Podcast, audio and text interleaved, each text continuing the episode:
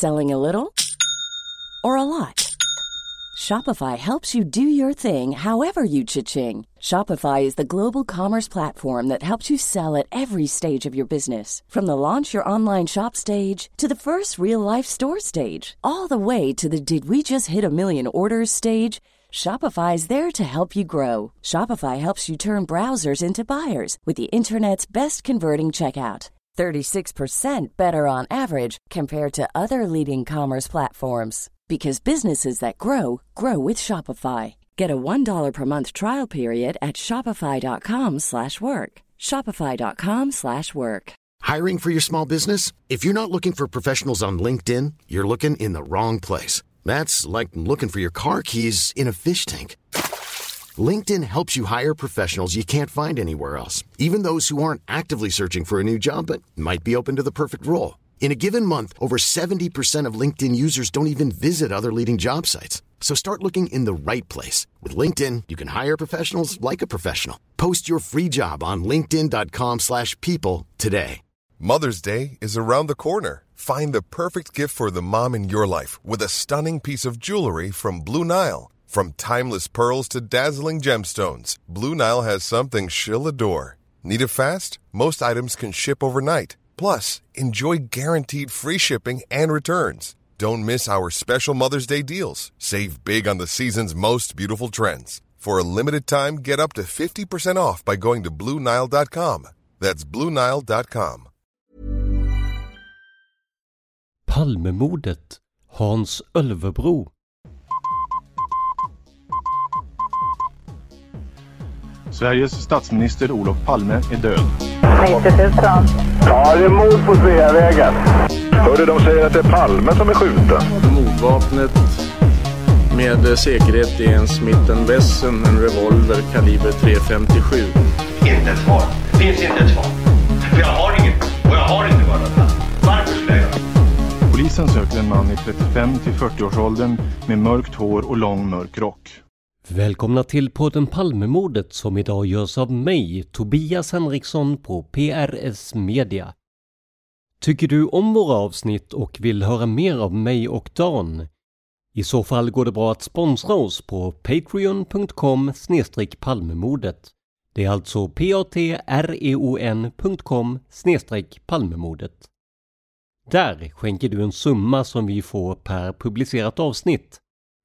De pengar som kommer in gör att vi kan lägga mer tid och research på avsnitten och i förlängningen göra ännu bättre avsnitt. Idag ska vi prata om en av spaningsledarna som tidigare varit väldigt sparsam med att uttala sig i media efter sin karriär i Palmegruppen. Men när Mattias Lindholm på radiofredag.se kom i kontakt med honom gav han till sist med sig och gav en intervju. Och då krävdes det inte en miljon som han hade krävt av Uppdrag granskning något år tidigare. Vi pratar såklart om Hans Ölvebro. Podden Palmemordet får, liksom andra medier, inte använda oss av själva ljudfilen från intervjun.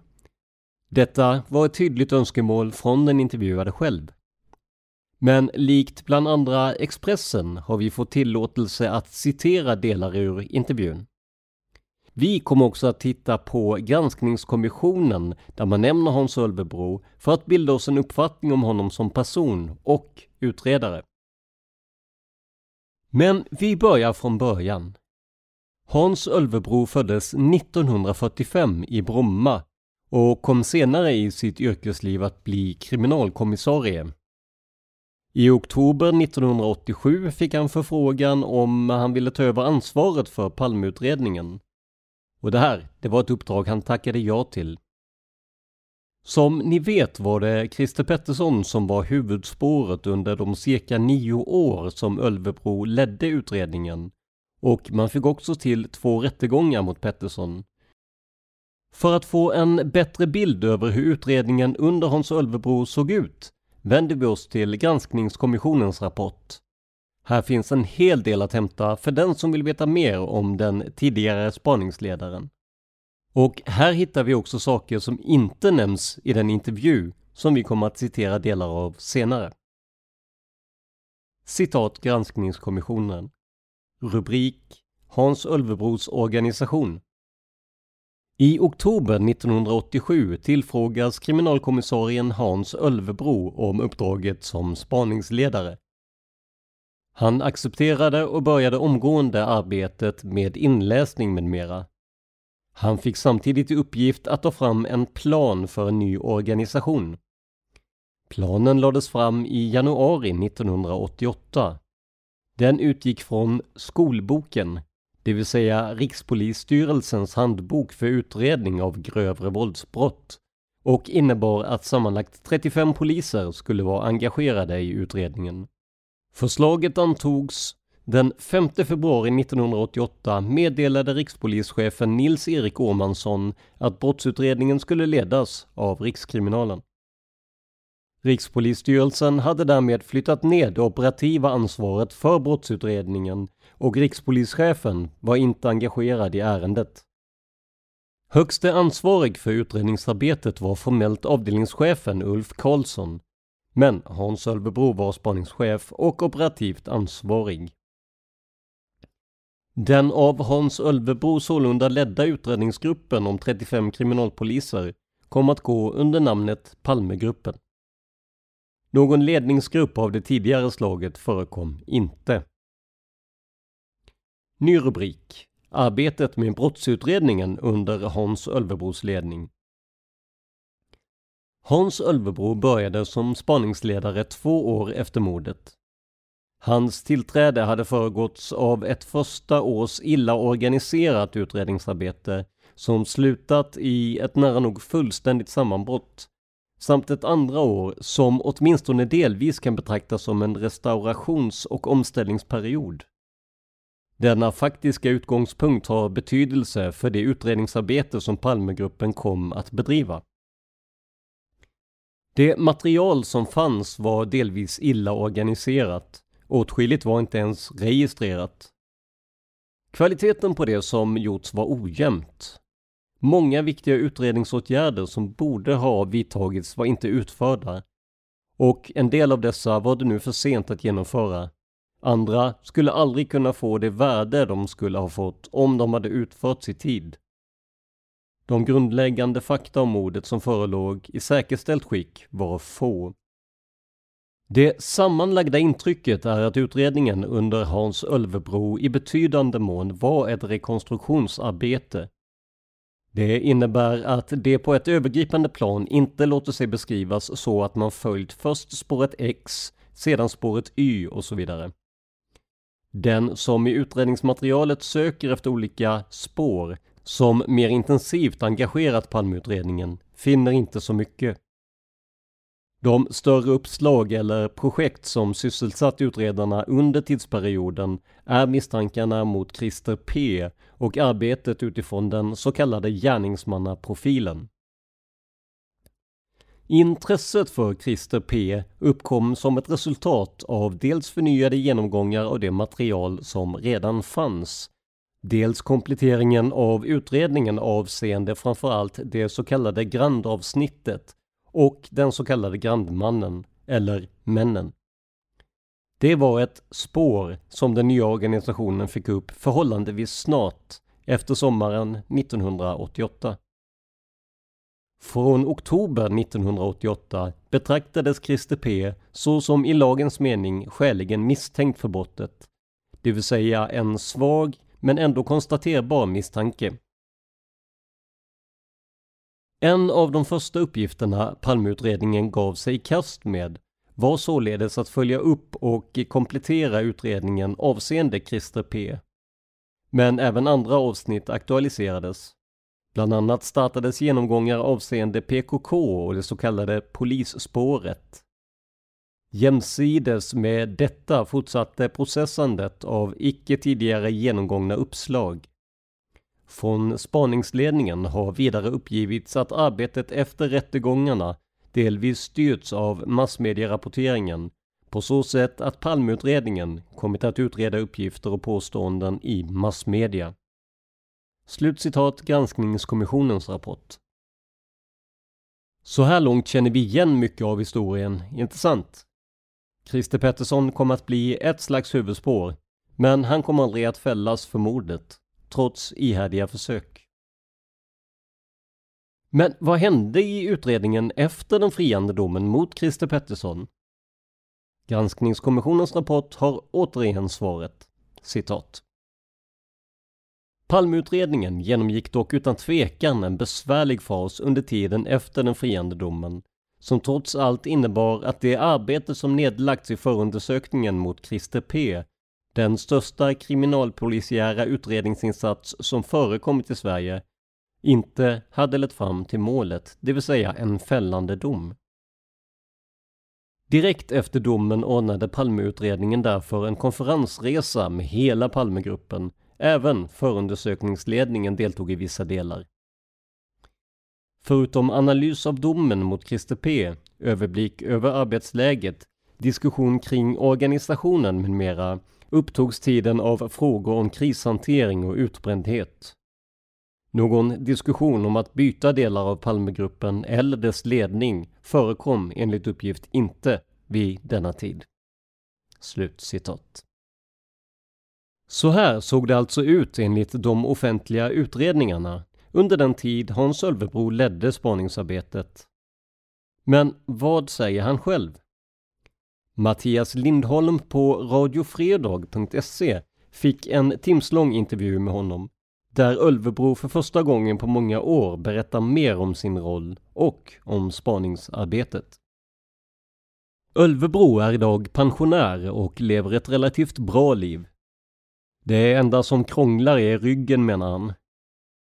Att han inte har uttalat sig om mordet på Olof Palme, det var ett högst medvetet val då han tycker att han lagt det bakom sig. Men olika medier stod på sig och ville ha ett uttalande bland annat Uppdrag granskning. Ölvebro bestämde sig då för att begära en miljon kronor för en intervju. Inte i syfte att bli rik, utan i syfte att få slut på tjatet. Och det tycks ju ha funkat. I Uppdrag granskningsprogram som färdigställdes utan intervjun med den förra spaningsledaren menar man att Palmeutredningen försökt få folk att lämna uppgifter mot betalning. Det här är något som Hans Ölvebro förnekar. Självklart måste man nämna att det finns en belöning menar han. Men visst kan det hända att det sagts på ett olämpligt sätt av vissa. När mordet på Olof Palme skedde jobbade Ölvebro på Riksmordkommissionen. Trots deras vana av och kunskap om grova brott kallades de inte in för att hjälpa till i det initiala skedet av utredningen. Ölvebro hymlar inte med vad han anser att det berodde på. För citat ”Det blev inget av utredningen så länge Holmer styrde och ställde”. Slutcitat. Ölvebro följer upp detta med att säga att han inte tror att resurserna under Hans Holmer utnyttjades på ett bra sätt det fanns också, enligt honom, ett missnöje från polisens sida med inriktningen på utredningen. Som ni hörde tidigare erbjöds Ölvebro att ta över som spaningsledare från 1988. Till den nya organisationen valde han att plocka med ett stort antal personer från våldsroteln i Stockholm. Poliser med bred kunskap om grova våldsbrott. Ölvebro menar att de ville ta tillbaka utredningen till Sveavägen, men att det initiala arbetet för honom innebar att läsa in sig på materialet. När han ser tillbaka på Holmers tid som spaningsledare är han fortsatt kritisk. Visserligen förstår han att man visade upp den typ av revolver som kan ha använts vid mordet för att få in tips, men samtidigt dömer han ut fantombilden. Ölvebro menar att eh, denna inte beskrev mördaren utan mer stämmer in på de människor som Holmér trodde var mördarna. Underförstått kurder. Men hur jobbade man då i Palmegruppen under den här tiden enligt Ölvebro? Han menar att man hade en grund att stå på där man gick igenom materialet och hörde om en del personer. Han menar också att de genomförde ett grundläggande polisarbete. Däremot var det svårt att skapa sig en klar bild av händelseförloppet. Man hade helt enkelt ingen bild av vem som kunde ligga bakom. Det var först med hjälp av bland annat gärningsmannaprofilen som de kunde konstatera att mördaren var en enskild person och att en organisation inte kunde ligga bakom. Ölvebro menar att i alla attentat mot kända personer tidigare så har det varit ensamma gärningsmän. Om det varit flera så har de brotten blivit uppklarade. Nu vet ju Ölvebro säkert mycket mer än vad han säger i intervjun. Men det här tyder i alla fall för mig på att man har haft ett tunnelseende och inte utrett alla möjligheter. Hade man gjort det hade man inte avfärdat en sammansvärjning med mindre än att det fanns bevis för teorin om en ensam gärningsman. Men i och med inriktningen på den ensamma gärningsmannen så fick man ju upp ögonen för missbrukaren Christer Pettersson. Enligt Ölvebro hade denne befunnit sig i närhet av mordplatsen och han hade dessutom en intressant bakgrund. Det sägs inte rakt ut, men man får anta att det så kallade bajonettdådet, då Christer Pettersson dödade en människa och dömdes för dråp, är en del av den intressanta bakgrunden. Till det som senare kom att tala för Pettersson som gärningsman fanns också hans påstådda umgänge med den så kallade bombmannen Lars Tingström. Tingström hade inte mycket till övers för myndigheter i allmänhet eller politiker i synnerhet och såg inte med blida ögon på Palme och hans regering. Christer Pettersson däremot påstod sig vara en stor Palmevän som aldrig skulle kunna ha ihjäl den forne statsministern. En i sanning märklig vänskapsrelation kan tyckas. Och Christer Pettersson har själv tonat ner omfattningen av deras vänskap i senare intervjuer. Men vid Ölvebros tid som spaningsledare såg man umgänget med Tingström som ett bevis på att även Pettersson hatade samhället och de svenska politikerna. Ölvebro går i intervjun så långt som att säga att Pettersson var någon slags livvakt åt Tingström. En uppgift som även den förnekats av Christer själv. Men om det nu var Christer Pettersson, hur såg det ut med motiv och mordvapen? Motivet, menar Ölvebro, är inte det viktigaste. Däremot är såklart vapnet nog så intressant. Men något sådant kunde man inte placera i handen på Pettersson. Man hade teorier om vapen som lånats eller stulits från bland andra knarklangaren och klubbägaren Sigge Cedergren. Men detta gick inte att leda i bevis. Hela utredningen mot Christer Pettersson fick också hastas fram och det av den enkla anledningen att kvällstidningarna fått reda på att Pettersson var avlyssnad på sin telefon. Man ville gå ut med uppgiften dagen efter och för att Pettersson inte skulle få reda på misstanken via tidningarna var man tvungen att plocka in honom samma dag. Detta gjorde att även konfrontationen där Lisbeth Palme senare pekade ut Pettersson blev lidande. Expressen skrev om det den 1 februari 2020. Men det återkommer vi till efter det här. If you're looking for plump lips that last, you need to know about Juvederm lip fillers. With Juvederm Volbella XC and Juvederm Ultra XC, your lip look, whether it's subtle or bold, can last up to one full year with optimal treatment and no additional maintenance. Find a licensed specialist and see if it's right for you at juvederm.com today. That's J U V E D E R M.com. Add fullness to lips in adults over 21 with Juvederm Volbella XC or Juvederm Ultra XC. Do not use if you have severe allergies or a history of severe allergic reactions, or if you're allergic to lidocaine or the proteins used in Juvederm. Tell your doctor if you have a history of scarring or taking medicines that decrease the body's immune response or that can prolong bleeding. Common side effects include injection site redness, swelling, pain, tenderness, firmness, lumps, bumps, bruising, discoloration, or itching. As with all fillers, there's a rare risk of unintentional injection into a blood vessel, which can cause vision abnormalities, blindness, stroke, temporary scabs, or scarring. For full important safety information, visit juvederm.com. If you thought the only way to get a more defined jawline with natural looking results was through surgery, think again. Juvederm Volux XC is a non surgical injectable gel filler that improves moderate to severe loss of jawline definition and can help you achieve natural looking results with little downtime. Even better, this improved definition lasts up to one year with optimal treatment. No maintenance required. Improve jawline definition for a smooth, sculpted look with Juvederm Volux XC. For important safety information and to find a licensed specialist, visit juvederm.com. That's J U V E D E R M.com. Not for people with severe allergic reactions, allergies to lidocaine, or the proteins used in Juvederm. Common side effects include injection site redness, swelling, pain, tenderness, firmness, lumps, bumps, bruising, discoloration, or itching. There's a risk of unintentional injection into a blood vessel, which can cause vision abnormalities, blindness, stroke, temporary scabs, or scarring. Talk to a licensed specialist to find out if it's right for you. Want flexibility? Take yoga. Want flexibility with your health insurance? Check out United Healthcare Insurance Plans. Underwritten by Golden Rule Insurance Company, they offer flexible, budget friendly medical, dental, and vision coverage that may be right for you. More at uh1.com. Välkomna tillbaka till podden Palmemordet. Så här sammanfattar Expressen hur konfrontationen med Lisbeth Palme gick till. Allt enligt Hans Ölvebro. Och förresten, tack till den lyssnare som skrev in och påpekade att jag sa ny rubrik istället för mellanrubrik när jag citerade. Jag ska genast ändra på det.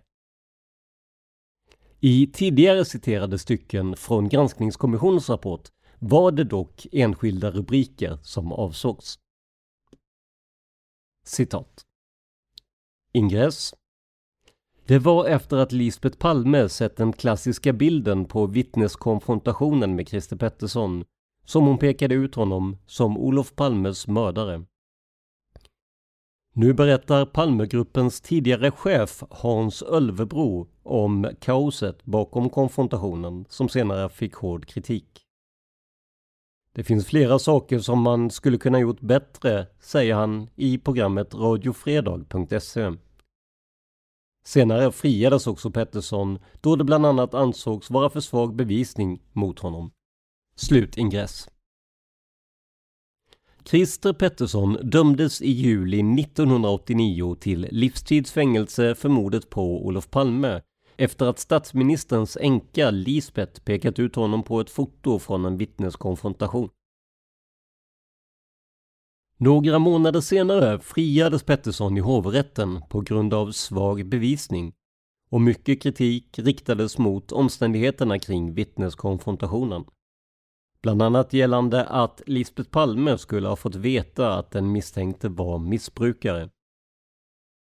Hovrätten konstaterade att det inte fanns någon teknisk bevisning som kunde binda Pettersson till mordet och skrev dessutom i domen citat det kan inte heller uteslutas att sammansättningen av konfrontationsgruppen har bidragit till utpekandet. Christer Pettersson skilde sig från övriga figuranter i fråga om klädsel, frisyr, ansiktsfärg och ansiktsuttryck. Vidare kan den förhandsinformation om den misstänkte som Lisbeth Palme hade fått också ha bidragit till utpekandet. Vi slutar citera hovrättens dom men fortsätter att citera Expressens artikel. Före detta spaningsledaren Hans Ölvebro, 74, berättar nu i radiofredag.se hur polisen tvingades slå till mot Christer Pettersson snabbare än planerat vilket påverkade hur vittneskonfrontationen gick till. Mellanrubrik Hittade inte lämpliga kläder. Han berättar att Palmegruppen tvingades genomföra en konfrontation dagen efter att Christer Pettersson gripits i december 1988 och att det därför inte fanns tid att göra det på det bästa möjliga sättet. Det var väldigt svårt att hitta en grupp som skulle passa som konfrontationsgrupp och att klä dem på ett sätt som gjorde att det inte skulle vara lättare att peka ut en viss person, säger han. Han berättar att samtliga, förutom Pettersson, var poliser eller anställda inom polisen. Det bästa vore ju om alla var klädda på precis samma sätt, men det fanns inte möjlighet att fixa kläder på den korta stunden, säger Ölvebro. Det som i det här fallet var aktuellt, eh, det var att använda kriminalvårdens kläder. Men det fanns inte tillräckligt med kläder i de här storlekarna som det i det här fallet var fråga om. Så det gick inte att klä dem på ett liknande sätt. Man sa att vi kunde inte hitta kläder som nu var lämpliga att ha i det här sammanhanget. Mellanrubrik Den blev som den blev. Ölvebro säger att polisen hade kunnat genomföra konfrontationen bättre, men att han tycker att den ändå var citat okej. Okay. Han får frågan om det inte stod klart för de inblandade att det skulle vara en märkbar skillnad mellan en polisanställd och Christer Pettersson, då det var känt att han missbrukat alkohol och droger under en längre tid. Ja, men skulle man avstå konfrontationen då? Lisbeth Palme är ju tvärsäker, hon tvekar ju aldrig, svarar den före detta chefen för Palmegruppen. Han säger att han är medveten om att informationen om att den misstänkte personen, Christer Pettersson, var missbrukare fanns tillgänglig för Lisbeth Palme och andra vittnen.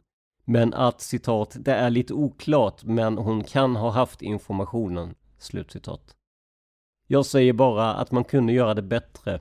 Nu blev den som den blev.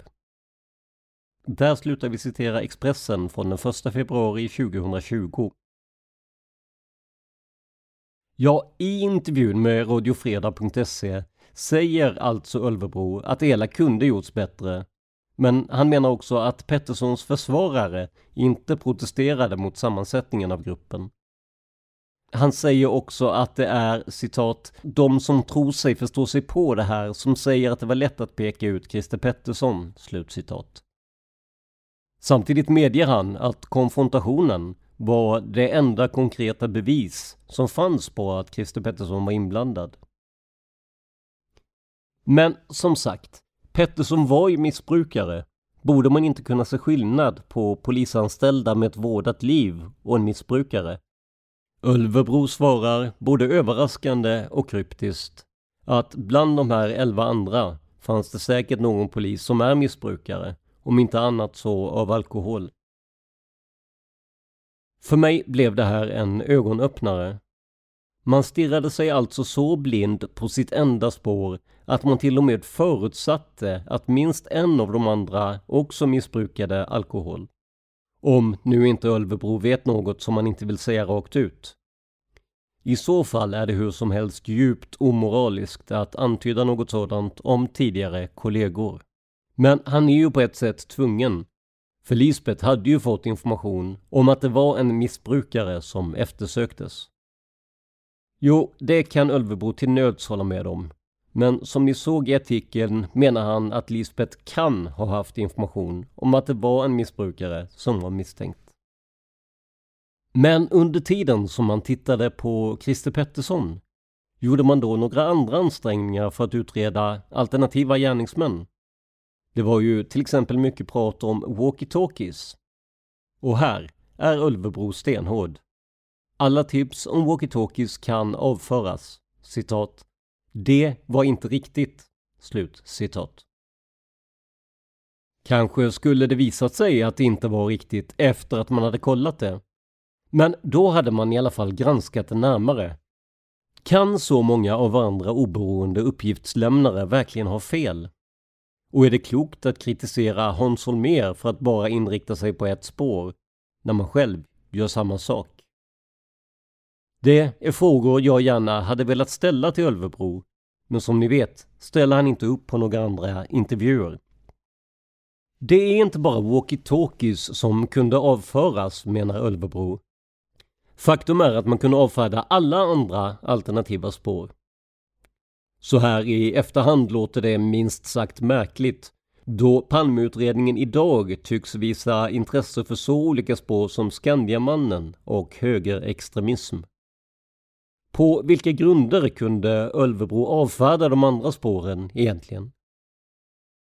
De personer som försökt titta närmare på Palmeutredningen och som till viss del kommit med egna teorier och idéer avfärdas med lätt maskerat förakt som privatspanare. Troligen skulle även den här podden ingå i Ölvebros definition av detta, trots att vi inte lägger fram teorier utan försöker hålla oss till fakta. För Ölvebro säger själv att han bara uttalat sig om sådant som han kan stå för, till skillnad från privatspanarna. Och visst fanns det under många år de som kunde bygga en teori på ganska svajiga grunder. Men att avfärda alla på det här sättet låter riskabelt om man vill hitta Olof Palmes mördare. Sist i intervjun säger Ölvebro att han inte har någon klar uppfattning om vem gärningsmannen kan vara. Samtidigt menar han att det hade kunnat vara Christer Pettersson, men att han ju blev frikänd. Så sammanfattningsvis kom det inte fram så jättemycket nytt i intervjun. Och det som kom fram får såklart ses utifrån vem som lämnar uppgifterna. Inte så att Ölvebro skulle ljuga, men kanske finns det en underliggande tanke om att framstå som mer objektiv och handlingskraftig än vad han egentligen var. Att höra om hur konfrontationen gick till är spännande, om än föga upplyftande för den som vill se en lösning av mordet. Det gick inte att hitta liknande kläder eller personer som stämde bättre in på den misstänktes sociala situation. Dessutom är de flesta överens om att Lisbeth Palme fått reda på att den misstänkte hade ett missbruk. Det känns inte speciellt svårt att peka ut Christer Pettersson i en sådan situation. Men det finns en sak som inte nämns i intervjun, nämligen hur Hans Ölvebos dagar som spaningsledare slutade. Granskningskommissionen har tittat mer även på detta och vi kommer att citera ett längre stycke ur rapporten för att ge er hela bilden av vad som hände. Citat. Rubrik Förundersökningen mot Hans Ölvebro. I juni 1995 inkom en anonym polisanmälan mot spaningsledaren Hans Ölvebro med påståendet att denne använde en av polisens bilar citat som vore den hans egen slutcitat. Det uppgavs även att polisen höll Hans Ölvebro med bostad. Enligt anmälaren förelåg skattebrott om Hans Ölvebro inte hade tagit upp dessa saker i sin deklaration. Anmälan överlämnades till enheten för internutredningar, CU. Frågan om förundersökning skulle inledas underställdes åklagarmyndigheten. I början av juli 1995 beslöt kammaråklagaren Alice Stenholm att inte inleda förundersökning. Beslutet motiverades med att det inte fanns anledning att anta att brott som hör under allmänt åtal hade förövats.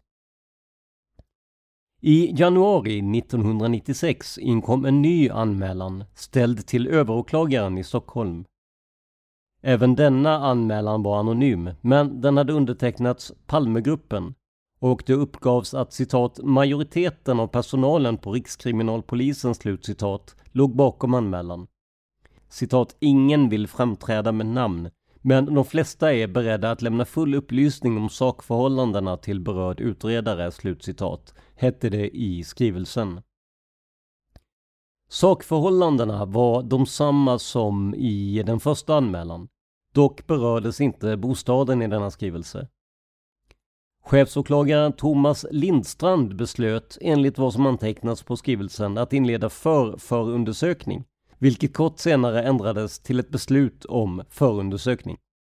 Ytterligare en tid senare, i slutet av februari 1996, inkom ännu en anonym anmälan undertecknad Sven Svensson. Därefter vidtog en grundlig utredning. CU bedrev under februari och mars 1996 spaning mot Hans Ölvebro. Av upprättade spaningspromemorior framgår att syftet med spaningen var att utröna huruvida Hans Ölvebro använde en av polisens bilar för privat bruk. Resultatet så som det framgår av spaningspromemoriorna talade för att Hans Ölvebro använde det aktuella fordonet privat. Efter att ha misslyckats med att på informell väg hos Palmegruppen inhämta körjournaler vände sig CU till chefsåklagare Thomas Lindstrand som beslöt att husrannsakan skulle genomföras hos Palmegruppen. Husrannsakan genomfördes i april 1996 varvid körjournaler och andra handlingar beslagtogs. Under samma månad hölls förhör, bland annat med flera av utredningsmännen i Palmegruppen. Av utredningen framgick följande. Hans Ölvebro hade i sin deklaration för 1993 yrkat avdrag för så kallad dubbel bosättning. Hans familj hade flyttat till Åtvidaberg på grund av att hot riktats mot honom och familjen. Skattemyndigheten avslog yrkandet och hänvisade i beslutet till att arbetsgivaren i detta sammanhang trodde citat ha ett visst ansvar och eventuellt kunna skydda er familj eller bekosta ett sådant skydd. Slutcitat. Skattemyndighetens beslut finns intaget i förundersökningsprotokollet. På detta finns en anteckning daterat 1994 0812 och undertecknat av Rikskriminalens dåvarande chef Jörgen Almblad. Det är inte helt lättläst men torde uttydas citat Ö får använda tjänstebil till och från bostaden i Åtvidaberg. RKP Kommentar Rikskriminalpolisen Slutkommentar Betalar hyran för lägenhet i Abrahamsberg.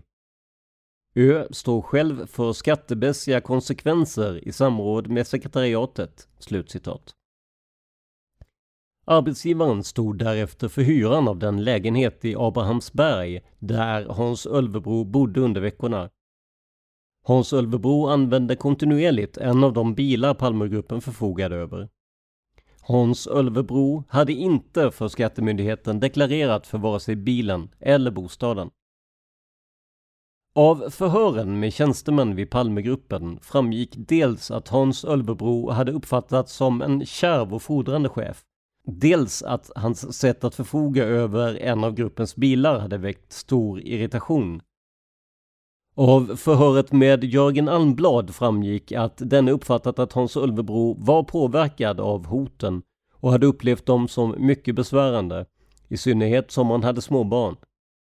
Det påverkade hans arbetssituation. Han ville ha saken ordnad eller lämna sin post.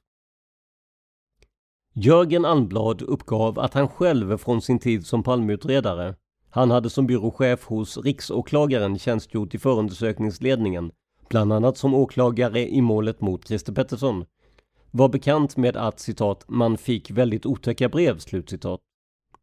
Han fattade citat det beslutet att för att kompensera Hans Ölvebro för det faktum att han inte fick göra det här avdraget så skulle Rikskriminalen hjälpa honom ekonomiskt på det sättet att han skulle få ta en tjänstebil till och från Åtvidaberg och att vi skulle stå för hyran för lägenheten i Abrahamsberg." Slutcitat. Beslutet innefattade inte någon rätt för Hans Ölvebro att fritt använda bilen privat. Någon mer ingående utredning beträffande det hot Hans Ölvebro upplevt företogs inte. Ombedd att kommentera ett påstående från personer i Palmegruppen att hoten mer eller mindre var nonsens svarade Anblad citat jag tror jag törs garantera att Ölvebro inte upplever dem som nonsens. Och det är vad som betyder någonting för mig. Slutcitat. I november 1996 uppdrog Lars Nylén, som då efterträtt Jörgen Almblad som chef för Rikskriminalen, åt en psykiater att göra en bedömning av de hot som riktats mot Hans Ölvebro. I ett utlåtande uttalade Peter Nordström, psykiatrisk konsultöverläkare vid Polismyndigheten i Stockholm, att enligt hans bedömning, citat, sedan flera år och alltjämt, genom det mycket stora intresset SR, den person som framställt hoten, granskningskommissionens anmärkning, visar Ölvebro Genom sina många skrivelser och de indirekta och fördolda hot hon uttryckt föreligger en hotbild mot Ölvebro personligen och hans familj." Slutcitat. Med anförande av vissa ytterligare omständigheter bedömde läkaren att det förelåg en allvarlig hotbild mot Ölvebro och dennes familj. Den 15 januari 1997 hölls förhör med Hans Ölvebro. Han fick bland annat frågan om det inte slagit honom att hans tillgång till bil skulle kunna få skattemässiga konsekvenser. Citat. Aldrig slagit mig eh, att det här är en förmån. Jag har ställt upp för arbetsgivaren och jobbar dygnet runt. Så fort någon ringer så åker jag till jobbet. Jag sitter kvar på kvällarna. Jag har jobbat eh, kanske för tre personer under ett antal år. Det har aldrig slagit mig att det här är en förmån. Det är en hjälp för att jag ska kunna göra jobbet. Slutcitat. Den 28 januari fattade chefsåklagare Thomas Lindstrand efter att redogjort för utredningen följande beslut. Citat utredningen. Ölvebro har ansett att förmånerna inte är skattepliktiga på grund av hotet mot honom och hans familj. Han har fått stöd för sin uppfattning genom en formulering i skatteförvaltningens beslut 1994-06-13 samt genom att arbetsgivaren inte lämnat någon kontrolluppgift. Ölvebros uppgift att han talat med Ståhl om beslutet och att han inte tänkte deklarera förmånerna motsägs visserligen av den sistnämnde. Men eftersom uppgift här står mot uppgift och bådas berättelser är trovärdiga får Ölvebros uppgift tas för god. På grund av det anförda kan inte styrkas att Ölvebro insett att förmånerna varit eller kunnat vara skattepliktiga och därför skulle deklareras. Inte heller kan det visas att Ölvebro förfarit grovt oaktsamt genom att inte deklarera dessa.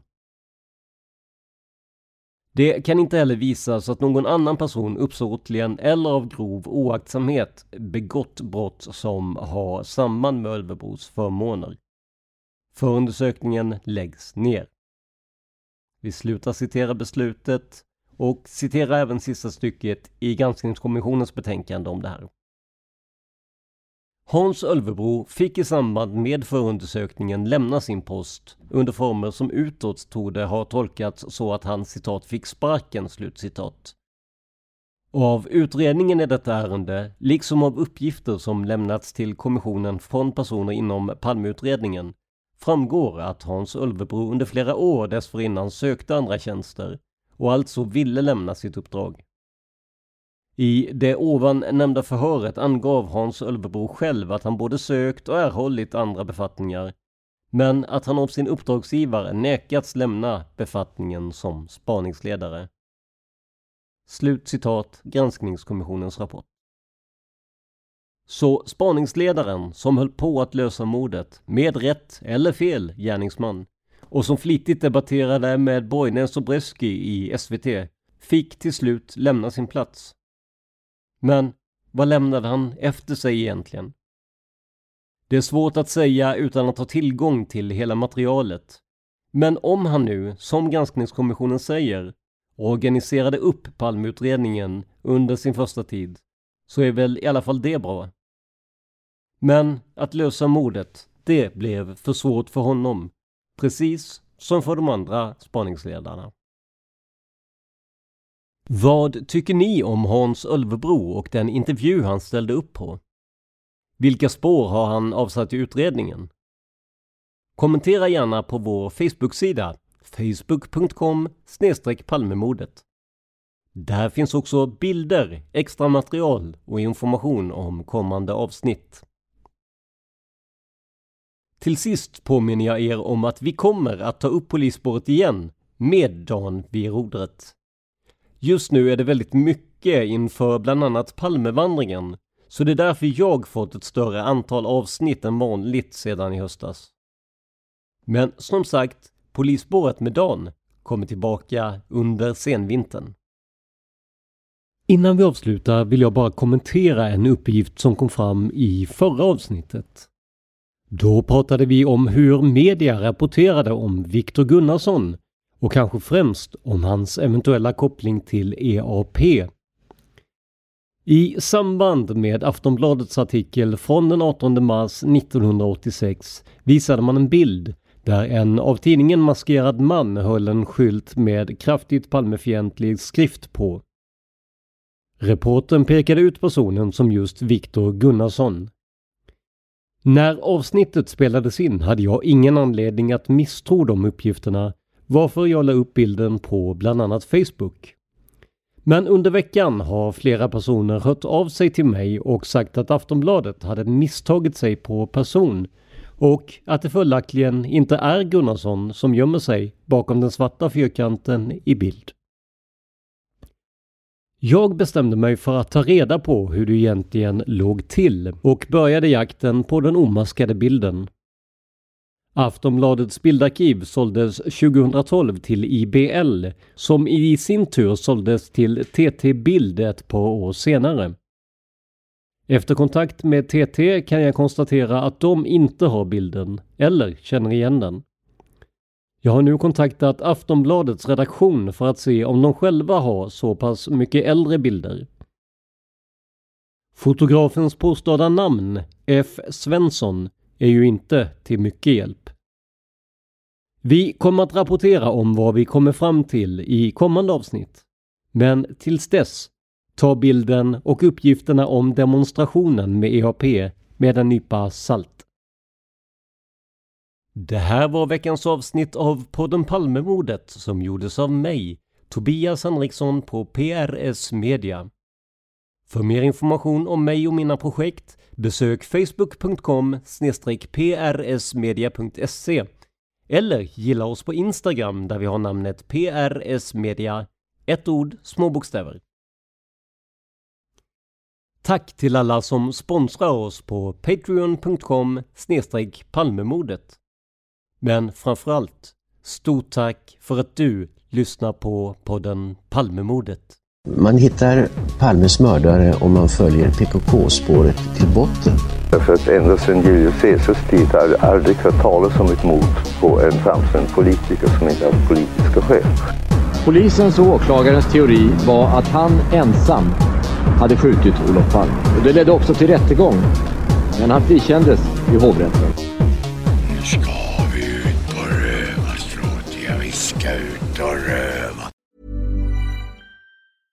Imagine the softest sheets you've ever felt. Now imagine them getting even softer over time. That's what you'll feel with Bowl and Branch's organic cotton sheets. In a recent customer survey, 96% replied that Bowl and Branch sheets get softer with every wash. Start getting your best night's sleep in these sheets that get softer and softer for years to come. Try their sheets with a 30-night guarantee. Plus, get 15% off your first order at bowlandbranch.com. Code BUTTERY. Exclusions apply. See site for details. Hi, I'm Daniel, founder of Pretty Litter. Cats and cat owners deserve better than any old-fashioned litter. That's why I teamed up with scientists and veterinarians to create Pretty Litter. Its innovative crystal formula has superior odor control and weighs up to 80% less than clay litter. Pretty Litter even monitors health by changing colors to help detect early signs of potential illness. It's the world's smartest kitty litter. Go to prettylitter.com and use code ACAST for 20% off your first order and a free cat toy. Terms and conditions apply. See site for details. Flexibility is great. That's why there's yoga. Flexibility for your insurance coverage is great too. That's why there's United Healthcare Insurance Plans. Underwritten by Golden Rule Insurance Company, United Healthcare Insurance Plans offer flexible, budget friendly coverage for medical, vision, dental, and more. One of these plans may be right for you if you're, say, between jobs, coming off your parents' plan, turning a side hustle into a full hustle, or even missed open enrollment. Want more flexibility? Find out more about United Healthcare Insurance Plans at uh1.com.